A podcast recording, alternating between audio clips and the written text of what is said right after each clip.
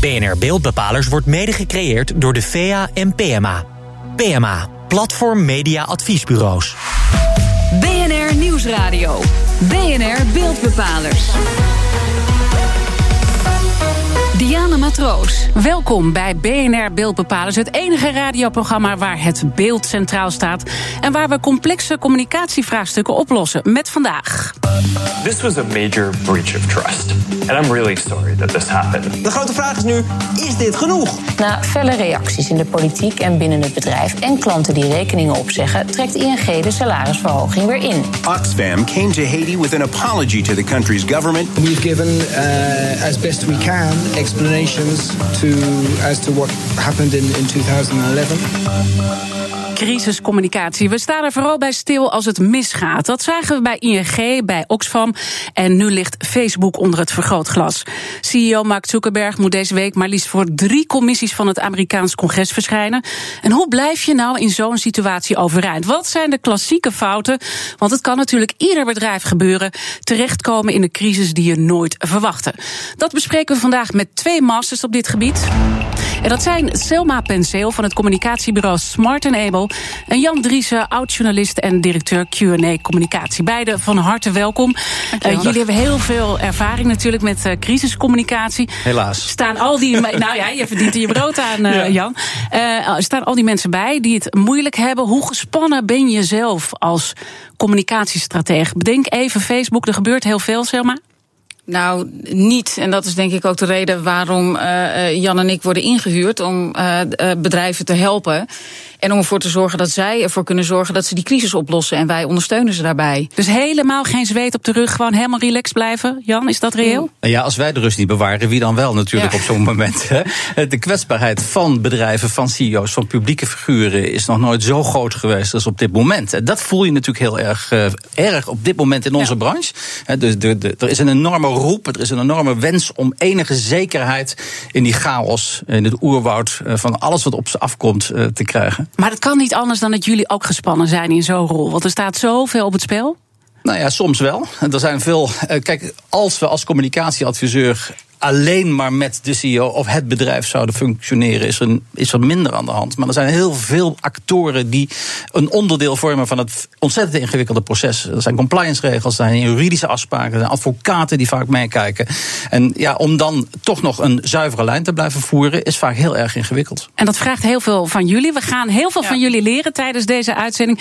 En ik denk dat het goed is dat voordat we gaan praten van hoe kan je dat nou op de goede manier doen, dat we ook even terugblikken waar gaat het fout. Hè? Want daar zitten hele belangrijke learnings uiteindelijk uh, in. Als we dan toch weer eventjes Facebook erbij uh, pakken, Selma. We zagen natuurlijk dat Zuckerberg in het begin nogal onzichtbaar was. Op een gegeven moment kwam hij met een boodschap. Wat vond je van die boodschap op dat moment? Nou, met die boodschap was op zich helemaal niks mis. Alleen hij was te laat. En uh, waar de fout bij Facebook ligt, is dat, die, dat ze nu wel de goede dingen doen, maar dat het in de verkeerde volgorde is.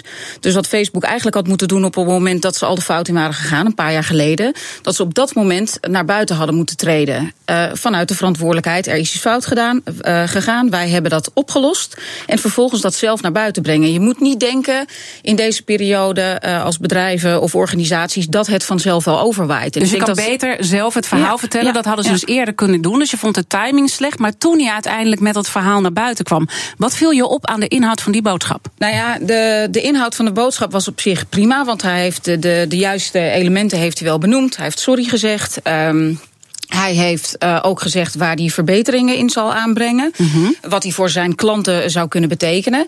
Um, uh, maar het was toch een beetje halfslachtig. Want uiteindelijk, en dat zie je soms bij, uh, bij boodschappen die, die bedrijven verkondigen op het moment dat ze in de problemen komen dat ze toch een beetje de schuld, uh, toch een beetje, ja, ja, gaan wijzen naar iemand anders. Ja, nee, we hebben niet kunnen weten. Nou ja, ja hij moest ook de aantallen natuurlijk bijstellen. Hè? Dus ja, had misschien in, ja. iets langer kunnen wachten. Ja. Wellicht, Jan, hoe staat jouw... Je ziet hier wat er in heel veel bedrijven gebeurt. ING exact hetzelfde. Die tikkende tijdbommen, die zaken die explosief zijn. De publicitaire risico's zijn al lang bekend. En Facebook doet dit al 15 jaar met commerciële bedrijven. Verdienen daar hun hele kapitaal en hun hele winst mee. Dus zij zij wisten dat dit gebeurde. En na de verkiezingen zagen ze het misgaan. Omdat in die populistische campagne van Trump er opeens een hele campagne onzichtbaar Mhm. diezelfde methodieken gebruikte. Ja, dan moet je veel eerder schakelen. En moet je je businessmodel en je verdienmodel ook eerder aanpassen. En als je die wicked problems, zoals die heten, die echte problemen niet aanpakt. Want hij kan ze natuurlijk pas aanpakken als je zijn verdienmodel gaat wijzigen. En, en dat het is, vorige uur en- is daar hierover gesproken. En, en dat is dus het probleem, dat hij dat dus op dat moment niet doet. Nou, daar omdat... zit je dan tussen. Je kunt dan heel mooi praat verkondigen, maar om het echt te effectueren in de praktijk gaat dat pijn doen vaak. En kost dat ook geld en kost dat business. Hij zal zijn verdienmodel, hij zal zijn advertentieinkomsten moeten, moeten Oké, transparant ik- ik snap maken. het en hij zal dilemma. en hij, hij zal die politieke campagnes, dat heeft u nu ook toegezegd, Mhm. buiten de deur moeten houden. Maar eh, Selma, dit, dit kost dan heel veel geld op het moment dat je het verdienmodel moet aanpassen. Maar dit kost misschien nog wel veel meer geld. Ja, dat is natuurlijk ook zo. Kijk, en op een moment. eh, de, kijk, Jan heeft het over het verdienmodel, maar er zitten een paar dingen in, in, de, in de basis van het bedrijf. Als jij zegt tegen je ontwikkelaars: move fast and break things. Ja, dan is het niet zo gek dat er bepaalde dingen fout gaat. Maar op het moment dat je in de basis van je bedrijf daar dus geen aanpassingen in doet, dan kun je een foutje herstellen en tegen jou zeggen: Diana, je kunt eh, straks je Facebook-account even bekijken en eh, kijken of je gegevens zijn misbruikt. Maar dat heeft natuurlijk geen enkele reet zin als ik het. eh En vaak is het ook zeggen. tunnelview, is het bedrijfsblindheid. Hè. Ik denk dat zij altijd in de beste bedoelingen hebben geloofd van de werking van die data. Die data is voor hen het kapitaal, anders hadden we abonnementsgelden moeten betalen. Zij, zij verdienen daarmee. En je ziet het ook bij, Shell, of bij, bij ING toen eh, gebeuren. Mhm. Ja, ik denk dat het Eh, goed is om inderdaad ook wat dat andere dat voorbeelden Dat is een erbij ander te pakken. voorbeeld. Zij Ja. wisten natuurlijk al lang dat bonussen en salarisverhoging een heel explosief onderwerp is. Als je dan niet eh, van tevoren het voorkomen is natuurlijk het beste. Hè, maar dan moet je signaleren wat die issues zijn. Daar moet actie op ondernomen worden. Je moet het eigenlijk oplossen. Maar als je het doet, moet er een heel zorgvuldig proces plaatsvinden. Waarbij je alle stakeholders vooraf informeert. En dat is allemaal niet gebeurd. En als je dan kijkt bij ING, wat is er daar fout gegaan? Nou, ik denk dat daar de top, eh, die laten zich over van alles en nog wat altijd informeren en adviseren. Maar als het over hun eigen inkomsten, als het over hun eigen bonussen gaat, hebben ze een soort adviesallergie. En dan opeens hoeft het niet. En dan doen ze het zelf wel even snel. En ik denk dat die afdeling communicatie natuurlijk allerlei goede adviezen heeft gegeven, maar uiteindelijk overruled is. En denken, nou ja, het is nu zoveel eh, tijd geleden, we kunnen het nu wel, we worden langzaam geen staatsbank, maar we kunnen het nu wel doorvoeren. En dan net voor Van der Veer weggaat, zo'n moment gebruiken als ik, ik los dat nog wel op voor mijn opvolger. Eh, dat, zijn dat zijn handigheidjes die niet meer werken vandaag de dag. Het moet up against the light, clean, alles moet deugen. Selma, weet jij nog andere voorbeelden, even los van Facebook, waarbij je ziet, het ging echt valikant mis met de communicatie? Nou, je, jullie hadden zelf mooi een compilatie, eh, een compilatietje gemaakt. Eh, Oxfam werd ook al genoemd. Eh, kijk, Oxfam heeft op zich goede dingen gedaan door zelf onderzoek te doen. Wellicht was het beter geweest om extern onderzoek te doen. Dat maakt je, dat maakt je altijd sterker. Maar wat Oxfam in dit geval ook fout heeft gedaan, net zoals bij Facebook, is dat op het moment dat er iets fout is gegaan, wat overal kan gebeuren. Het gebeurt bij een ontwikkelingsorganisatie, het gebeurt bij een bank, het gebeurt bij de slager. Dat maakt niet uit. Maar je moet dan zelf het nieuws naar buiten brengen. En nu heb je de schijn tegen je, want Oxfam zegt wel... ja, maar we hebben dat een paar jaar geleden... hebben we het wel eh, gemeld aan het ministerie. Maar dat is iets Dat is anders. niet aan het publiek. Dat is niet aan het publiek. En Nou. daar zit het grote verschil. Vaak denken bedrijven dat ze eh, eh, het gewoon wel binnenskamers kunnen houden. En wat wij dan noemen in ons gezellige jargon... is een defensieve strategie. Dus op het moment dat een journalist belt, dan is het oké. Maar de crisis begint pas op het moment dat die fout wordt gemaakt. En dat is de grootste En we leven in een totaal andere wereld natuurlijk. Zeggen, die wereld is compleet veranderd. Dit was zeven jaar geleden, 2011. Ze hebben met alles geprobeerd om hun goede doelen toen niet verder te beschadigen. Ze hebben echt actie ondernomen. Ze hebben het heel goed gedaan. Zij zijn bij far nu de, de beste goede doelenorganisatie er is. Maar we leven in een fact-free maatschappij. Die feiten doen er niet meer toe. Het beeld, de emotie en inderdaad het feit dat ze daar te laat op geacteerd hebben nu. En nu komt dat opeens op en nu worden ze afgemaakt. Het is ook mooi om even jullie persoonlijke nog even erbij te pakken. Ik zou natuurlijk geen journalist zijn als ik aan een oud-journalist eh, zou vragen. Camille Eurlings, eh, je hebt hem bijgestaan, ik, eh, eh, Jan ik- Dries. ik en dat is valikant misgegaan. Ja, juist ook hier, in deze case, heb ik, en dat is een pijn, pijnlijke les geweest, geleerd dat die feiten er niet meer toe doen. Ik bedoel, als het OM bepaalt, na zorgvuldig onderzoek, dat er, een, dat, er, dat, er, dat er een schikking komt, zonder vaststelling, dan wel erkenning van schuld.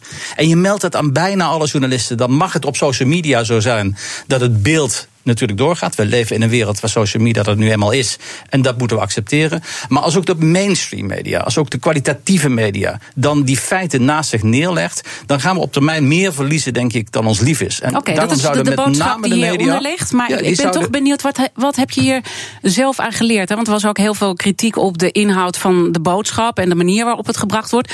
Wat, wat zou je een volgende keer anders hebben gedaan? We, eh, de, wat, wat echt anders zou moeten, eh, is dat je, uh, als er beelden ontstaan die niet overeenkomen met de werkelijkheid, kun je die niet laten bestaan. En je moet tegenwoordig de, de vlek wegwrijven. Vroeger zei je, wrijf niet in een vlek, maar mhm. de Telegraaf kan niet vier keer openen, hetzelfde verhaal. Maar op social media, op dit moment, alles blijft daar gewoon bestaan. Alles komt ook terug. Mm en dus, wat had je anders kunnen doen? We hadden direct de vlek weg moeten vegen.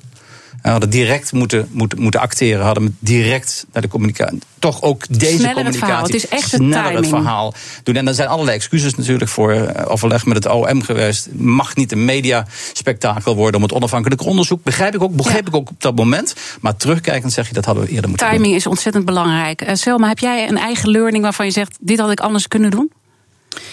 Ja, ik heb uh, Caro NCV bijgestaan uh, bij uh, de ontvoering van Dirk Bolt en Eugenio Vollender. En wat ik daar volstrekt heb onderschat is de tempo van het nieuws. Maar ook um, de breedte van het nieuws. Dus waar wij het in de voorbespreking over hadden. Iets kan in een klein lokaal krantje nieuw zijn. En dan bedenken dat dat maar stil blijft. Ja, dat is niet zo een zender in Colombia, uh, in, een, uh, in een provincie, ja, die kan ook het nieuws brengen. En wat waren de implicaties nu? Nou, dat, uh, kijk, wat je, wat, je, wat je probeert te doen in, die, in, in zo'n geval, is dat je natuurlijk een, een moreel op appel doet, uh, waarbij je zegt, ja, in het belang van twee mannen levend uit de jungle krijgen, is het handig om daar geen uh, aandacht aan te besteden. Ja, niet werkbaar. Een beetje naïef. Dus gewoon toch ook eerder naar buiten moeten komen. In die timing, dat is wat jullie allebei zeggen. De wereld is toch echt veranderd. En straks horen we van onze masters hoe je crisiscommunicatie wel goed aanpakt. Meer tips. BNR Nieuwsradio. BNR Beeldbepalers. Ja, welkom terug bij BNR Beeldbepalers. We noemden voor de reclame al enkele voorbeelden van hoe het niet moet. Met recent het dataschandaal bij Facebook en de manier waarop daarover is gecommuniceerd. Want daar gaat het hier in deze uitzending met name over, over de crisiscommunicatie. Laten we nu vooral eens kijken hoe het wel moet. Daarover praat ik verder met mijn gasten. Onze masters Selma Penseel van het communicatiebureau Smart Able en Jan Driessen, oud-journalist en directeur van Q&A Communicatie. Facebook, het is nu alle hens aan dek. Tal van communicaties strategen staan Zuckerberg bij. Allerlei rollenspellen die er worden gedaan. Hoe groot is de kans op een nog grotere uitgeleider, Jan, in deze situatie? Nou, die is, eh, die, is, die is groot, omdat natuurlijk eh, op dit moment je ziet dat, dat mensen weglopen. Je ziet dat er acties plaatsvinden. Je ziet dat er olievlekwerking is. Dat moet je natuurlijk altijd heel goed monitoren als bedrijf. En als er al iets naar buiten komt, maar zei het net ook al, eh, dan gaat het razendsnel. Dan verspreidt die olievlek zich. En dan zul je dus op al die zaken direct moeten reageren. En, en, en daar hopen dat je geen nieuwe fouten maakt. En hopen dat die uitstroom stopt. Wat zijn de fouten die gemaakt zouden kunnen worden in dit geval, Selma? Of in de breedte hoor. Je mag ook gewoon eh, in de breedte voorbeelden noemen, hoeft niet specifiek Facebook te zijn. Nou ja, wat, eh, ik merk dat er bij crisiscommunicatie toch een grote mate van flauwekul is. Waarbij je probeert, eh, dat is een beetje de negatieve connotatie van ons vak dat we om de hete brei heen draaien. En dat is natuurlijk gewoon onzin. Dus je moet, uh, je moet weten wat de fout is. Die fout moet je erkennen. En vervolgens moet je gewoon zeggen waar het op staat. En heldere communicatie. Als je dus goed wil doen, heldere communicatie. Breng de rotte vis op tafel. Ja. en schuiven niet onder het tapijt. ja, dus dat zijn de dingen die belangrijk zijn. Maar ook degene die het verhaal brengt natuurlijk. In dit geval is het de CEO. Hoe krijg je zo'n CEO in een positie, Jan, dat hij het goed kan vertellen? Je zag hem daar al met een macht aan adviseurs en, en, en, en juristen binnenkomen. Met allerlei beveiligers eromheen. Je zag ook een man die is normaal gesproken geniaal. Je ziet toch dat hij bleek weggetrokken. Daar, daar, het, het, congres binnenkomt. Dat tere stemmetje. Het tere stemmetje. Er, is, er hangen zulke belangen mee uh, samen. En, en als je dan ziet dat er heel makkelijk een uitleider kan plaatsvinden. Heel makkelijk een soort MeToo-achtige beweging op gang kan komen. En we hebben dat positief gehad met ALS, met die Bucket Challenge. Maar je ziet het ook negatief negatief. Uh, wat de krachten zijn die los kunnen komen. En als zo'n zo'n beweging zich inzet voor Facebook, en dat moeten ze nu goed koet voorkomen dat dat gaat gebeuren. En dat iedereen uh, dadelijk Facebook gaat opzeggen. Maar dan kan er paniekvoetbal ontstaan. En in die paniekvoetbal kunnen er gekke dingen gebeuren. En dus moet degene die dat uitstraalt een bepaalde rust uh, kunnen bewaren. Ja, rust gaat u redden. Uh, moet dat met name de CEO zijn? Of zou je misschien ook iemand anders moeten aanwijzen die dat gewoon heel goed kan? In dit geval zou ik meteen zeggen de CEO. Op het moment dat op dit niveau zulke grove fouten worden gemaakt, is er maar één iemand die verantwoording daarover kan afleggen en dat is de baas. Punt. Alleen, ik zou hem adviseren, uh, in dit geval, het is natuurlijk mooi Engels taalgebruik, mea culpa, top priorities, I'm very sorry and we don't deserve your trust, bla bla bla. Allemaal prachtig. Maar houd bij de waarheid. Zeg ook als je dingen niet weet, als je het niet kan fixen, of als je nog langere tijd nodig hebt, dat je de aantallen niet weet. Wees daar eerlijk over. Het is beter om te zeggen: ik weet het niet, ik zoek het voor u uit. En ik kom er op een later moment op terug, maar niet om de hete brei heen draaien. En dat gebeurt te vaak. Kijk, wat je vaak in dit soort situaties ziet, is de wet van Murphy. Er komt vol licht op te staan en dan komen er andere zaken naar boven. dus dat onderzoek zal dadelijk uitwijzen dat die verkiezingen dadelijk in Amerika toch voor een heel groot deel wel afhankelijk zijn geweest van Facebook. Dat de Brexit misschien wel helemaal daardoor komt. En dan krijg je een andere dimensie. Dan krijgt het opeens een schulderkenning. dus die door externe factoren. Dus het heel goed inventariseren. Wat zijn de mogelijke nieuwe ontwikkelingen die op ons af gaan komen? En daarop anticiperen en daar ook echt en daadwerkelijk maatregelen nemen die herhaling voorkomen. Eh, zodat het vertrouwen terug kan komen, is nu cruciaal. Want uiteindelijk wil je natuurlijk gewoon zoveel mogelijk voorkomen. Ook in de situatie al op het moment dat je al in een crisis zit. Want je weet dat dat zo'n verhaal zich verder gaat ontvouwen. Hoe belangrijk is de lobby in dit verhaal? Want daar hebben we het nog niet over gehad, Selma. De lobby van? De lobby rondom zo'n verhaal. Hè. Soms zie je bepaalde verhalen uh, nou ja, al van tevoren aankomen. En dan zou je ook de lobby kunnen inzetten om te kunnen zorgen dat je al op voorhand je verhaal managt. Nou ja, kijk, wat, wat wij altijd zeggen, je moet er gewoon voor zorgen dat je met mensen om je heen praat. Het is zo simpel als een schoolplein. Wat doe je op een schoolplein? Je praat met, uh, met vriendjes en vriendinnetjes en je kletst. En dat is het verhaal wat je vertelt. En dat moet je ook gewoon in het echte leven doen, punt. Dus als je het dan hebt over de lobby, dat klinkt dan uh, misschien weer wat, wat, wat bedacht en gemaakt. Maar zo is het wel. En natuurlijk moet je de allerbelangrijkste mensen die belangrijk zijn voor jouw bedrijf. En die jouw bedrijf kunnen beïnvloeden. Of die een belang hebben bij jouw bedrijf, die als eerste inlichten. En vervolgens ga je met die boodschap naar buiten. Maar zo simpel is het. Alleen het wordt vaak zo gecompliceerd en ingewikkeld gemaakt. En vaak in de verkeerde volgorde. Is het niet ook zo dat we te veel naar de juristen kijken in dit verhaal. en wat minder naar de PR-afdeling? Nou, dat is begrijpelijk. Hè. Dat zijn hele grote belangen. En soms mag het ook absoluut niet. Maar ik ben het helemaal mee eens, Selma. Als je niet van tevoren identificeert wat die problemen zijn. die in het eigen bedrijf al lang bekend zijn, natuurlijk. Als je daar niet met alle stakeholders mee praat van tevoren. En bijvoorbeeld, dit was nu, nu met IEG dichter bij huis, niet gedeeld met de Kamerleden, niet gedeeld met de minister. Ja, als je dat niet van tevoren doet, ja, dan, dan, dan is het voorspelbaar dat die reacties komen. En dan krijg je dus die olievlekwerking waar we het eerder over hadden. En dan komt de reactie op actie en reactie op, op, op de volgende actie weer. En dan wordt het groter en dan komt het van kwaad tot erger en dan moet het teruggetrokken worden. Kan je op het dus, moment dat je het eerlijke verhaal gaat vertellen, waardoor je toch ook een bepaalde betrouwbaarheid wellicht gaat uitstralen, hoe moeilijk die boodschap ook is, hè, kwetsbaar zijn. Zou je het dan nog ten positieve kunnen brengen? Dat je er misschien juist beter van wordt? Nou ja, je hebt natuurlijk altijd het recht als bedrijf, persoon of organisatie om jouw kant van het verhaal te vertellen. Punt. Alleen waar, dat, is een, dat is een beetje een dun koord. Want anders dan lijkt het toch wel weer een beetje een verkooppraatje en een reclameboodschap. En dat moet het dus niet zijn. Maar als het bedrijven het echt goed doen, kunnen ze er beter uitkomen. Ja. En dan komen we nu toe tot het eindadvies van onze masters als het gaat om crisiscommunicatie. Wanneer is er nou echt sprake van goede crisiscommunicatie, Selma? Um, nou, niet zozeer eens de, com de, communicatie, maar het begint eigenlijk bij de goede dingen doen. En op het moment dat je een uitglijer maakt, dan benoemen dat je die fout hebt gemaakt. En daarover vertellen en vervolgens zeggen, je fout toegeven en je excuses aanbieden. That's it. Dat is de kern. Ja. Absoluut. Voorkomen dat dit gebeurt. Tegenwoordig moet je up against the light clean zijn. Je moet deugen als bedrijf. En vervolgens, als er iets gebeurt, snel acteren, uh, excuus maken, eerder communiceren en verbetering beloven en ook zorgen dat het nooit meer kan gebeuren. En als we kijken naar de toekomst van het, hè, jullie hebben allebei aangegeven van verhalen worden steeds groter, uh, sneller. sneller. Uh, ja. Wat is dan nog heel erg belangrijk? Nou, om continu in, op dat schoolplein, wat Selma zo mooi zei, ik ga hem onthouden, mm -hmm. eh, continu in dialoog te blijven met je doelgroepen, niet tegen je doelgroepen. En een vertrouwensband te creëren, waardoor als het een keer misgaat, je ook het voordeel van de twijfel wordt gegund. En ik kan me ook voorstellen dat, even los van dat schoolplein, heel erg belangrijk is wat je binnen je organisatie doet. Want je eigen organisatie krijgt natuurlijk gigantisch veel telefoontjes, berichten. Uh, dus misschien ook onzekerheid bij de eigen mensen. Hoe mens je dat? Nou ja, de, je, zei- de- waar we het net over hadden, je moet die fouten niet maken. Maar de stap voordat je op dat schoolplein gaat praten met betrokkenen, moet je natuurlijk je eigen collega's in, eh, inlichten. En dat is ook een stap die vaak eh, vergeten wordt. Precies. Als je op een feestje staat met een lauw wijntje in je hand. En dan vervolgens zegt iemand: Oh, jij werkt daar en daar. Oh, goed, dan las ik over in de krant dat het een bende is. Ja, dat moet je natuurlijk niet hebben. Dus je hebt ook de verantwoordelijkheid als bedrijf om die stap als eerste te nemen. En zorgen dat zij ook het goede verhaal gaan Precies, vertellen. En in ieder geval voorbereid zijn. Ja, inderdaad. De beeldbepaler van de week. Ja, het is weer tijd voor de beeldbepaler van de week. En daarvoor is aangeschoven redacteur Carlijn Meinders. Wat is je opgevallen, Carlijn? Ja, we, we kijken altijd wie was er deze week nou bepalend voor ons beeld. Eh, daarvoor blijven we even bij Facebook. Dat kan bijna niet anders. En dan komen we uit bij Arjen Lubach.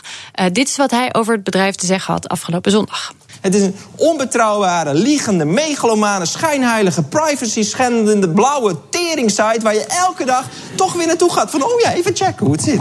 Ja, dit was eh, onderdeel van een langer item dat hij wijde aan Facebook. Hij riep daar mensen op om samen met hem een account stop te zetten. Het is natuurlijk niet voor het eerst dat hij een bedrijf of een land of een persoon op de korrel neemt. Zijn filmpjes hebben een groot bereik inmiddels. En dan is het natuurlijk wel interessant om te vragen aan onze gasten vandaag. Wat moet je hiermee als communicatieafdeling? Stopt het bij zo'n schandaal? Zeg je nou, we gaan alleen maar reageren op wat er gebeurd is? Of pikken we ook nog al dat media gedoe wat er achteraan komt? En op? dit soort satirische programma's dus. Bijvoorbeeld. Je monitort alles, dus ook deze nar. En met enorme invloed, maar ook in die rol natuurlijk. Ik bedoel, je ziet dat hij overdrijft. Je ziet dat dit, dit, dit, dit ook in, in, in, de, in, de, in de ontzettende vergroting gaat. Dus ik denk niet dat je daar specifiek op moet en wilt reageren op zo'n programma. Maar in zijn algemeenheid, je monitort, je voelt aan wat de tendens is. En je reageert op feitelijke onjuistheden en je stuurt bij. Selma?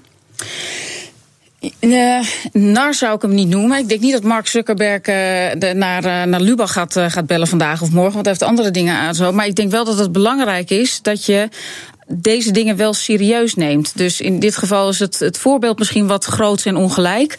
Um, maar ik vind wel dat je moet terugpraten en moet blijven reageren. Het enige is wel, op het moment dat er een fout is gemaakt. Jij had het net al over de, over de vlek waar je niet in moet wrijven. Ik bedoel, je hoeft Ja, nu niet. juist dus wel? Ja, Ja. ja, nu, nu wegwrijven. Maar moet je het Um, dan met, met humor, eh, moet je er dan vervolgens weer op reageren? Of, want dat kan ook natuurlijk. Het lijkt me heel moeilijk hoe je dit Nee, moet doen. nee. En je zegt klein, maar uiteindelijk, dit is ook, eh, eh, dit, dit filmpje gaat weer viral. Nee, maar ik denk dus dat je daar wel op kijkt. Ik denk niet dat Zuckerberg dat zal doen. Maar ik denk dus in dit soort gevallen dat je dus wel moet blijven praten en wel moet reageren. Het hangt natuurlijk per situatie af. Op het moment, eh, eh, dus het is elke keer een afweging. Maar ik vind wel dat je terug moet blijven praten. En humor is altijd ingewikkeld, want de een begrijpt het wel en de ander begrijpt het niet.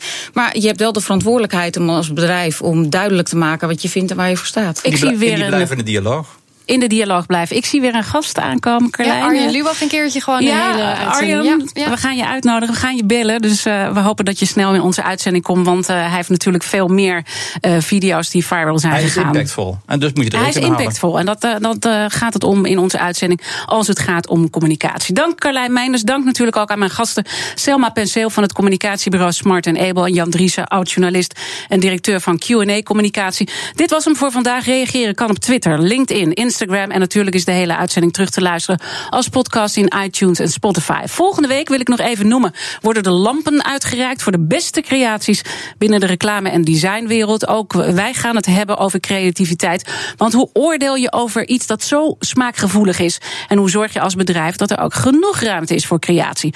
Tot volgende week in BNR Beeldbepalers, het enige radioprogramma waar het beeld centraal staat. BNR Beeldbepalers wordt mede gecreëerd door PMA en de VEA. VEA, de Vereniging van Toonaangevende Communicatieadviesbureaus.